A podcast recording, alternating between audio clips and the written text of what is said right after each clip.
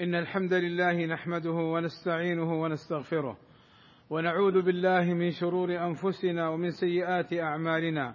من يهده الله فلا مضل له ومن يضلل فلا هادي له. وأشهد أن لا إله إلا الله وحده لا شريك له. وأشهد أن محمدا عبده ورسوله. يا أيها الذين آمنوا اتقوا الله حق تقاته. ولا تموتن إلا وأنتم مسلمون. يا أيها الذين آمنوا اتقوا الله وقولوا قولا سديدا. يصلح لكم أعمالكم ويغفر لكم ذنوبكم. ومن يطع الله ورسوله فقد فاز فوزا عظيما. إن أصدق الكلام كلام الله وخير الهدى هدى محمد صلى الله عليه وسلم.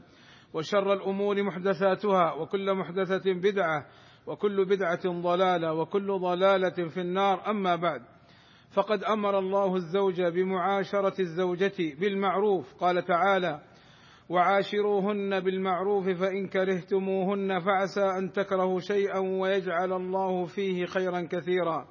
وقال صلى الله عليه وسلم خيركم خيركم لأهله وأنا خيركم لأهله.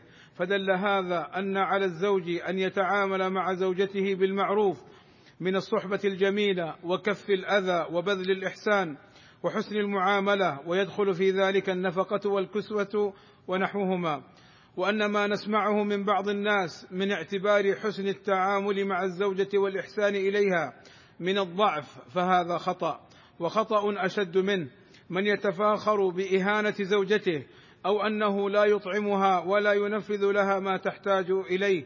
فكم تشتكي النساء من سوء تعامل بعض الأزواج حتى في الطعام والشراب؟ وعدم المعاشرة بالمعروف فهذا محاسب عليه الزوج لا محالة. وعلى الرجل أن لا يطلب الكمال في الزوجة لأنها خلقت من ضلع أعوج.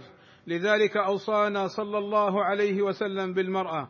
فقال صلى الله عليه وسلم إن المرأة خلقت من ضلع لن تستقيم لك على طريقة فإن استمتعت بها استمتعت بها وفيها عوج.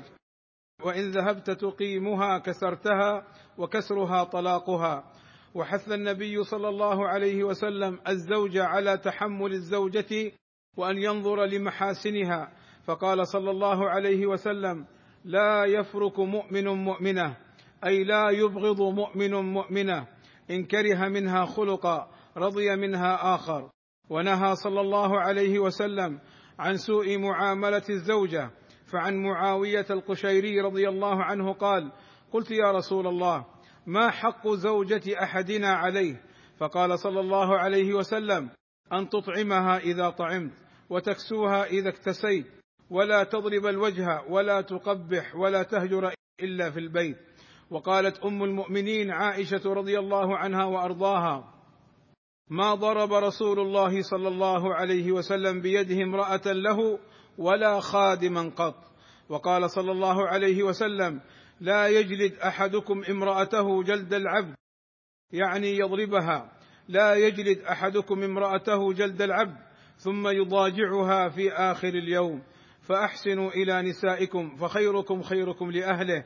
والله أسأل لي ولكم التوفيق والسداد في الدارين وأن يغفر لنا الذنوب والزلات إنه غفور رحيم. الحمد لله وكفى والصلاة والسلام على نبينا المصطفى وعلى آله وصحبه أولي النهى. عباد الله وصف النبي صلى الله عليه وسلم المرأة بكونها ناقصة عقل ودين. فقال صلى الله عليه وسلم يا معشر النساء تصدقن وأكثرن الاستغفار فإني رأيتكن أكثر أهل النار. ان كن تكثرن اللعن وتكفرن العشير.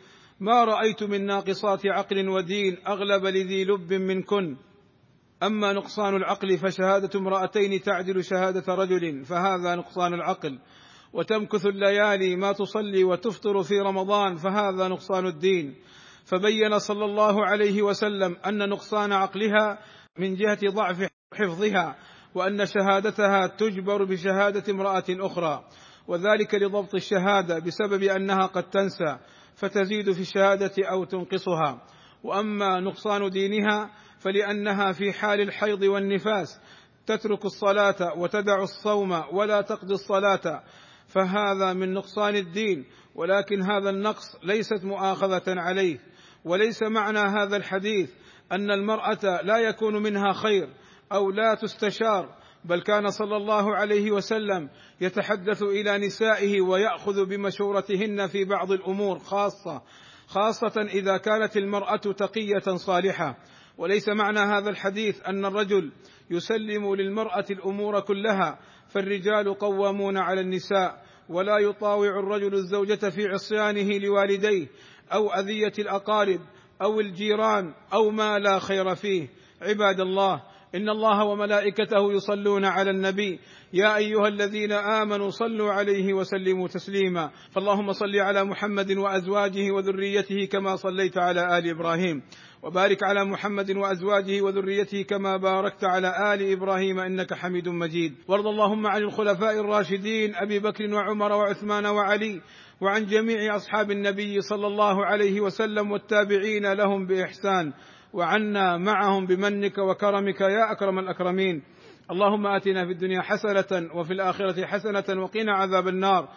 اللهم اغفر للمسلمين والمسلمات والمؤمنين والمؤمنات الأحياء منهم والأموات. اللهم وفق ولي أمرنا الملك سلمان بن عبد العزيز وولي عهده الأمير محمد بن سلمان لما تحبه وترضاه وأصلح بهما البلاد والعباد.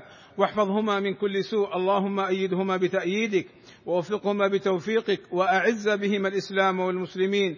والصلاة والسلام على المبعوث رحمة للعالمين. والحمد لله رب العالمين.